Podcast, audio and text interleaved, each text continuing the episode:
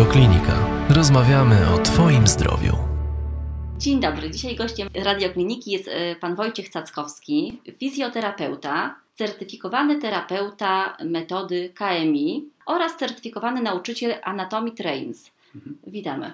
Witam serdecznie. Panie Wojciechu, chciałam się spytać w ogóle, co to jest za metoda? Nowa Mhm. metoda.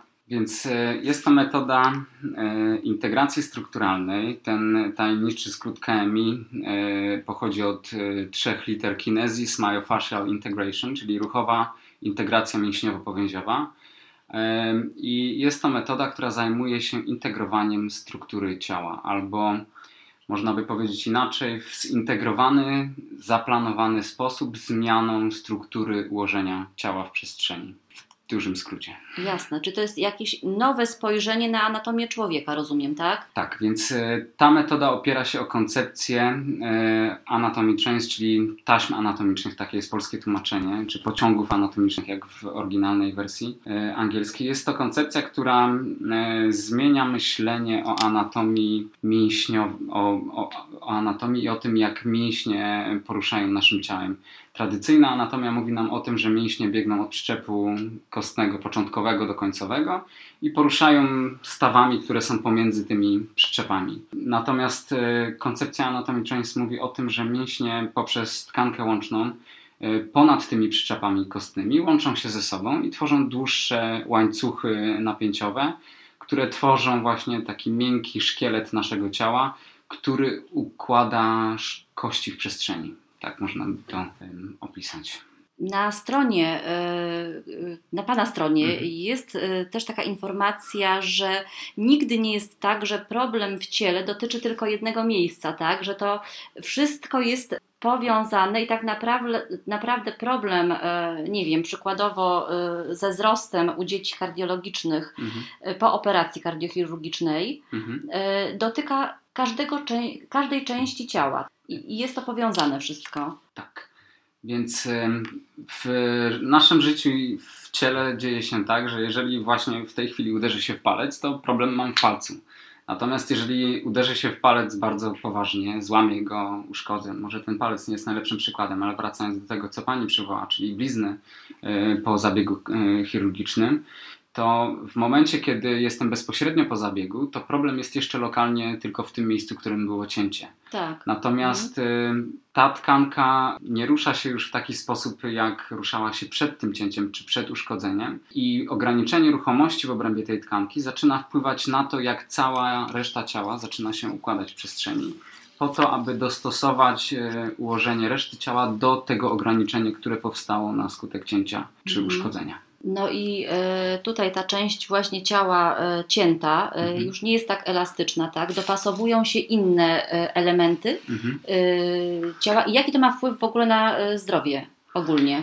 Więc no, potencjalnych przyczyn, które może to spowodować, jest, czy powod, takich problemów, które może to spowodować, jest wiele. Więc pierwszy, najbardziej oczywisty, który myślę, że tradycyjna medycyna też, też e, dostrzega, to jest ograniczenie ruchomości klatki piersiowej, e, ograniczenie oddechu, spłycenie tego oddechu, e, zwiększenie napięcia, ciśnienia w obrębie klatki piersiowej ograniczenie ruchomości stawów mostkowo-żebrowych, stawów, e, które łączą żebra do kręgosłupa, ograniczenie ruchomości kręgosłupa piersiowego i to są te takie najbardziej lokalne e, skutki cięcia czy blizny, która powstała po cięciu. Natomiast e, kiedy klatka piersiowa jest po wzroście, jest ograniczona ruchowo, to pierwszym elementem, który też będzie, em, będzie dotknięty tą zmianą, będzie również odcinek szyjny kręgosłupa.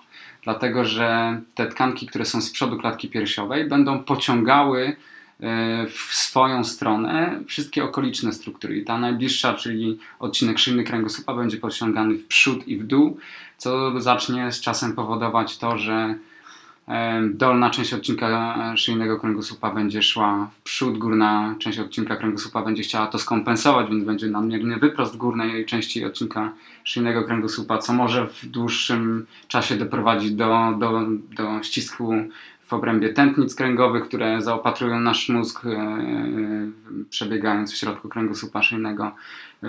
Kolejnym elementem będzie pociągnięcie obręczy barkowej w kierunku blizny, czyli jeżeli obręcz barkowa zostanie mhm. skierowana z bliżej w kierunku mostka, e, no to wiadomo, zaokrąglą się bardziej plecy, łopatki będą migrowały bardziej bocznie, z dala od kręgosłupa, co później spowoduje, że kości ramienne zrotują się na zewnątrz, żebyśmy mogli dalej pracować rękoma przed sobą.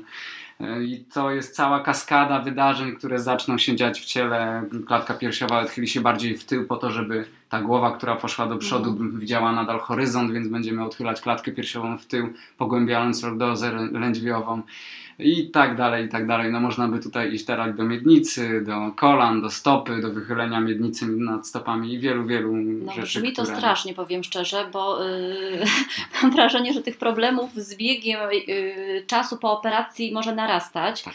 i to może mieć też wpływ i na narządy wewnętrzne. Owszem, więc y, ograniczenie ruchomości klatki piersiowej, czy późniejszym okresie przechylenie jej w tył, na przykład zwiększy kompresję w okolicy nerek. To jest pierwsza e, rzecz. Mhm. Zamknięcie e, przepony, która przy każdym ruchu e, wdechu czy wydechu będzie poruszała naszymi narzędami wewnętrznymi w obrębie jamy brzusznej. Jeżeli, e, jeżeli ograniczymy ruchomość klatki w klatce piersiowej i ograniczymy ruchomość przepony, to również narządy wewnętrzne będą się mniej ruszały, co spowoduje, że będą one gorzej ukrwione. E, mogą powstać z czasem również ograniczenia ruchomości tych narządów. No i znowu tu mógłbym całą kaskadę wydarzeń przywołać, które potencjalnie mogą się wydarzyć. Oczywiście nie wydarzą się, jeżeli w, porę zareagujemy. W porę zareagujemy i będziemy pracować z tą blizną, będziemy ją uruchamiać i, i przywrócimy jej w miarę dobry, funkcjonalny mhm. ruch. A proszę mi powiedzieć, kiedy możemy zacząć taką pracę z blizną? E, jaki to musi minąć czas od operacji? Więc to na pewno warto by było konsultować z kardiochirurgiem, który wykonywał zabieg e, u danej osoby, bo my jako terapeuci, którzy pracujemy na całym ciele, nie jesteśmy specjalistami od kardiochirurgii, nie jesteśmy specjalistami od kardiologii, więc y, w takich przypadkach na pewno dobrze by było konsultować to z lekarzem prowadzącym, kiedy możemy zacząć tę interwencję. Delikatne mobilizacje skóry, tkanki tłuszczowej podskórne mogą być robione dość wcześnie, jeszcze w czasie mhm. wzrostu, nie wiem, no może po pierwszych kilku tygodniach można zacząć e, pracować e, takimi bardziej delikatnymi technikami, natomiast głębsze, silniejsze techniki muszą, e, mogą być prowadzone dopiero wtedy, kiedy nastąpi pełen wzrost i, i powiedzmy jesteśmy bezpieczni w tym, co robimy. Ale tutaj szczególnie, że dotyczy to dzieci, szczególnie, że dotyczy to wad serca, że są to poważne zabiegi, to konsultowałbym to z lekarzem prowadzącym. Jasne. A proszę mi powiedzieć, czy rodzice odpowiednio y, nauczeni mogą y, takie ćwiczenia rozpocząć poinstruowani sami, tak, żeby jakoś temu dziecku już pomagać? Mhm, oczywiście. Y, ćwiczenia powinny, powinny towarzyszyć jak, naj, jak najwcześniejszym tym etapom rehabilitacji blizny.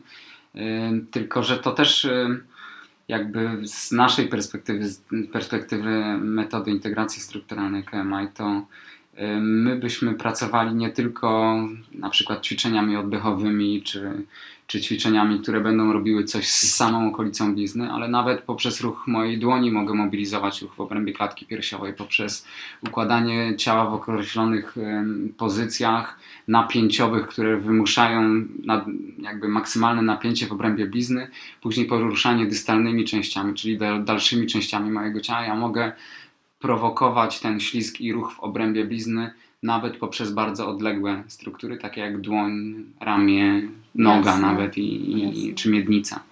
Także to, to oczywiście, jeżeli rodzice byliby poinstruowani, jak to robić, to mogą to wprowadzać. Mhm. Nie zrobią krzywdy?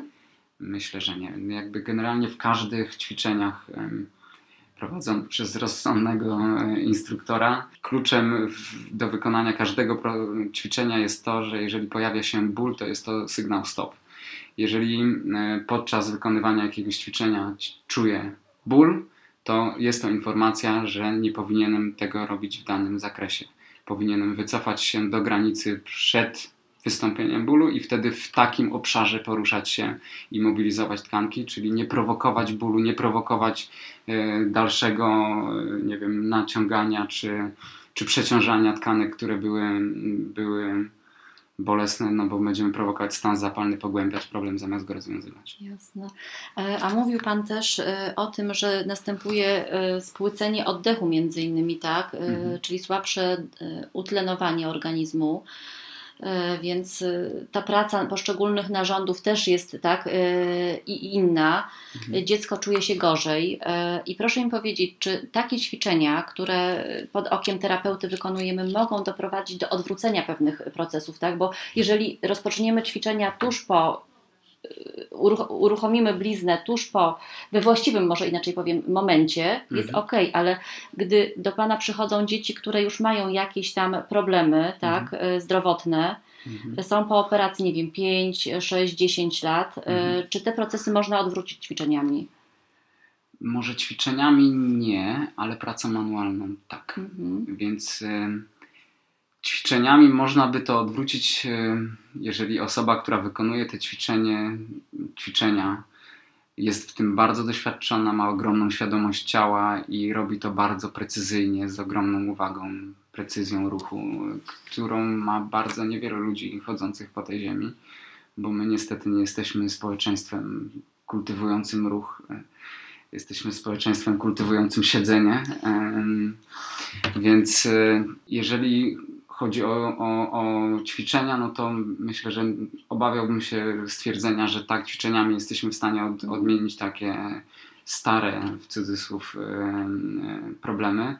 Natomiast praca manualna jest dużo bardziej precyzyjna i kiedy ja na przykład rozciągam e, okolice blizny, kiedy robię to samemu, to w okolicy cięcia mechanoreceptory, które są z, z w obrębie e, powięzi i, i tkanek e, w, w, tym miejscu cięcia, one nie są stymulowane, bo nie ma tam ruchu, nie ma mhm. relatywnego ślizgu tkanek względem siebie i mechanoreceptory nie są stymulowane, więc mózg nie ma informacji z tej okolicy. Więc nawet kiedy dana osoba będzie to próbowała sama rozciągać, to prawdopodobnie skończy się to tym, że będzie bardzo mocno rozciągać tkanki, które będą powyżej, poniżej tej blizny, Aha, tutaj... ale mhm. samego tego miejsca nie będzie w stanie uruchomić poprzez ruch tylko ułożenie w bardzo precyzyjnie określonych mm, pozycjach ciała jest w stanie wymusić ten ruch wtedy w, danym miejscu. No a praca manualna daje tą zaletę, że ręka terapeuty widzi, gdzie jest e, Jasne. problem i może tam łatwo trafić. Jasne. Panie Wojciechu, nasze ciało jest jednością, łącznie z psychiką. Mhm. E, I chciałam się spytać właśnie, jak takie dysfunkcje e, wpływają na człowieka jako na całość? Na pewno zaokrąglone plecy i schowany mostek mogą mieć wpływ na nasz nastrój. Osoba, która ma mostek schowany nisko, y, kojarzy nam się, jak patrzymy na taką osobę, kojarzy się nam na, z osobą, która jest smutna, ma problem, wiem, depresję. Takie skojarzenia mamy z mowy ciała, kiedy widzimy taką osobę. Więc robiono nawet takie badania, w których e, pokazano, że zmiana ułożenia ciała może wpływać na wytwarzanie hormonów e, szczęścia, tak? które, które wytwarzają się tylko poprzez zmianę ułożenia ciała czy uśmiechnięcie się. Więc również może to działać w tą negatywną stronę, kiedy nasze ułożenie ciała jest E, powiedzmy takie właśnie zgięciowe, kifotyczne, kiedy nasz oddech jest płytki, jest bardziej na wydechu, to też tej energii życiowej i takiej chęci do zmieniania rzeczywistości dookoła nas jest zdecydowanie mniej. E, więc na pewno otworzenie tej klatki piersiowej i przywrócenie bardziej wyprostowanej postawy może mieć wpływ na to, jak postrzegamy rzeczywistość, jak się kontaktujemy z z otaczającym nas światem, jak reagujemy na sytuacje stresowe tak i tak dalej. Więc może mieć to pewien wpływ na, na naszą psychikę. Nie, nie znam jakby badań, które by mówiły o tym, jak, jak tego typu zabiegi mogą wpływać na psychikę, ale myślę, że to byłby bardzo ciekawy kierunek Temat do badania. Tak. A jak to jest z osobami starszymi, które już mają często osteoporozę, hmm. tak, pewne nawyki? Hmm. E, czy takie osoby też się rehabilituje? Oczywiście. Jakie są nigdy w, nigdy w czasie trwania naszego życia nie jest za późno na zmianę. pod warunkiem, że dana osoba ma wystarczająco energii na to, żeby się zmienić. Dzisiaj miałem pacjentkę, która miała 93 lata. Wow. Ale ma taką w sobie energię życiową, że podejrzewam, że nie jeden dwudziestolatek by jej za, e, mógł pozazdrościć. To starsze E, pokolenie, to jest tak. właśnie inaczej. I y, możliwości zmiany u tej pani, mimo bardzo dużych zmian strukturalnych, które w tym temu wiekowi towarzyszą, nadal są. I dzisiaj po, po 15 minutach usunęliśmy ból z, z nogi, który utrudniał tej pani chodzenie, więc każdym wieku jest możliwa, jest potencjał do zmiany. Y, Tylko no, to jest też zależne od tego, jak dużo właśnie takiej energii i chęci do zmiany ta osoba No tak, to się musi w psychice najpierw, tak, tej osoby e, otworzyć jakaś tam furteczka, że no chce się jednak... No i też no, jakby z, drugiej, z drugiego bieguna miałem kiedyś pana, który miał co prawda 78 lat, ale był tak zgaszony życiowo, zawiedziony swoim życiem i miał tak mało chęci do życia. Przyprowadziła go do mnie e, jego żona i u niego po kilku sesjach o, zrezygnowaliśmy, bo było widać, że to niczego nie zmienia. E, I tak też czasami bywa. Jasne. A, y, czy właśnie takie dysfunkcje, można powiedzieć, tak, pewnych części ciała mogą powodować, tak z tego wywnioskowałam, depresję, No, jakieś takie problemy ze snem? Mhm. Y, Ja też ostatnio słyszałam, że y, na przykład skrzywienia kręgosłupa mogą powodować problemy ze wzrokiem. No, jest to wszystko Mhm. tak Lub powiązane. wzrok może powodować skrzywienia kręgosłupa też można A, odwrotnie. Jeżeli mam jedno oko, którym widzę, drugim okiem widzę bardzo słabo, to moja głowa będzie zawsze ustawiała się w taki sposób, aby to oko kierowało się w stronę, którą chce podążać moje ciało. I to może zainicjować rotację pomiędzy atlasem a aksisem. Może to zacząć kręcić moją szyją, co zacznie kręcić moją resztą kręgosłupa. Więc e, to może działać w obie strony, ale tak e, również e, skrzywienie kręgosłupa może wpłynąć. Jeżeli mam rotację w kręgosłupie, to te rotacje są na przebiegu całego kręgosłupa, są w moich nogach, w kolanach, w miednicy, w kręgosłupie, w trzewiach, ale będą również w, w czaszce i osoby ze skrzywieniami kręgosłupa mają bardzo często mocną rotację kości klinowej. To jest taka kość, która jest w środku głowy, która kiedy jest zrotowana, skręcona, wtedy widzimy, że jedno oko jest bardziej powierzchownie w głowie, a drugie oko jest głębiej w głowie osadzone. I może to wpływać oczywiście na to, jak się rozwija możliwość e, widzenia, może wpływać to na to, jakie jest ciśnienie w, w, w obrębie oka, no i pewnie ostatecznie nie jestem okulistą, więc nie chciałbym tutaj nie wchodzić w nie swoją działkę, ale myślę, że może mieć to również wpływ na, na to, jak widzimy. Jasne. Teraz jeszcze ostatnie takie pytanie, bo y, jest to metoda dość nowa. Mhm. Y, ile specjalistów jest w Polsce? Trzech. A ilu się kształci? Kształci się grupa, myślę, w tej chwili co najmniej dwudziestu kilku osób. W, e, w tym roku rozpoczęły się też szkolenia w całej Polsce, które będą kontynuowane w przyszłym roku, co powinno stworzyć grupę co najmniej 40 osób, która w 2016 roku prawdopodobnie przystąpi do pierwszego certyfikującego modułu. To jest takie dwutygodniowe spotkanie, gdzie zaczynamy wymagać, a nie tylko uczyć i jakby egzaminować te osoby i one uzyskają tytuł e, struktural, terapeuty strukturalnie pracującego z ciałem, a następnie z tej grupy, nie wiadomo ile, ale zazwyczaj dwie trzecie tej grupy przechodzi na trzeci etap szkolenia, ten ostatni, w którym uczymy już integracji strukturalnej, czyli tego programowego w 12 krokach czy 12 sesjach zmieniania struktury ułożenia ciała. Jasne, to jest pozytywne, bo mówię, naszym dzieciom kardiologicznym jest potrzebna taka, tego typu terapia i nie tylko dzieciom, ale również rodzicom, którzy często przeżywają stresy, tak śpią w, w szpitalach w, w warunkach takich, a nie innych i, i też potrzebują e, tego typu wsparcia. Ja bym powiedział, że w dzisiejszych czasach tak naprawdę wszyscy tego Wszyscy. potrzebują, bo, bo wszyscy siedzimy. E, nikt z nas, znaczy nikt z nas, może źle to e, ująłem. Bardzo niewielu z nas rzeczywiście używa swojego ciała w taki sposób, jak, do jakiego ono zostało stworzone.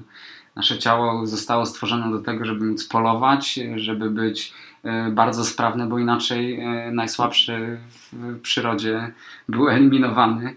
E, Dzisiejsze pokolenie, szczególnie młode, w pierwotnych, prehistorycznych czasach by wszystkie e, e, prawdopodobnie 90% z nich by nie przeżyło w, w, naturalnym środowisku i w takich warunkach bardzo pierwotnych. Więc niesie to za sobą potężne konsekwencje. No, większość z nas siedząc cały czas ma e, ograniczone ruchomości w stawach biodrowych, kolanowych, mają sztywne kręgosłupy, nie są w stanie wykonywać wielu bardzo podstawowych, wydawałoby się, ruchów, e, zwykłego kucania, czy nie wiem, wyprostu pełnego. No, no, jak się patrzy na to, w jakim stanie jest nasze społeczeństwo, to jest to dość smutne. Nie? I mhm. my jesteśmy bardzo inteligentni, mam, rozwinęliśmy się od strony umysłu niesamowicie. Zachodnie społeczeństwa są w tym bardzo za, zaawansowane. Natomiast w porównaniu do społeczeństw bardziej pierwotnych w Afryce, nie wiem, w Ameryce Południowej czy, czy gdzieś w Azji, to my jesteśmy bardzo. Mm, E, mało rozwinięci kinestetycznie ruchowo i można by naz nazwać analfabetami kinestetycznymi. My nie potrafimy używać swojego ciała, nie znamy swojego ciała, nie słuchamy swojego ciała, nie obserwujemy swojego ciała, a jeżeli ciało nam zaczyna coś mówić, czyli pojawia się ból, no to mówimy mu e, nie chcecie słuchać i jemy tabletkę przeciwbólową, no, więc e, pod tym tak. względem no, zachodnie społeczeństwa się bardzo mocno zaniedbały i myślę, że najwyższy czas do zwrotu w stronę kinestetycznej inteligencji wśród, no, wśród naszego społeczeństwa, bo jeżeli czegoś nie zmienimy w tej chwili, to słabo będą wyglądały kolejne stulecia. Jasne. Jest Chyba, coraz gorzej. Tak. Nadwaga, otyłość, inne choroby cywilizacyjne, tak, które zżerają społeczeństwo. Dokładnie. W tym małe dzieci. Serdecznie dziękuję za rozmowę. Więcej audycji na stronie radioklinika.pl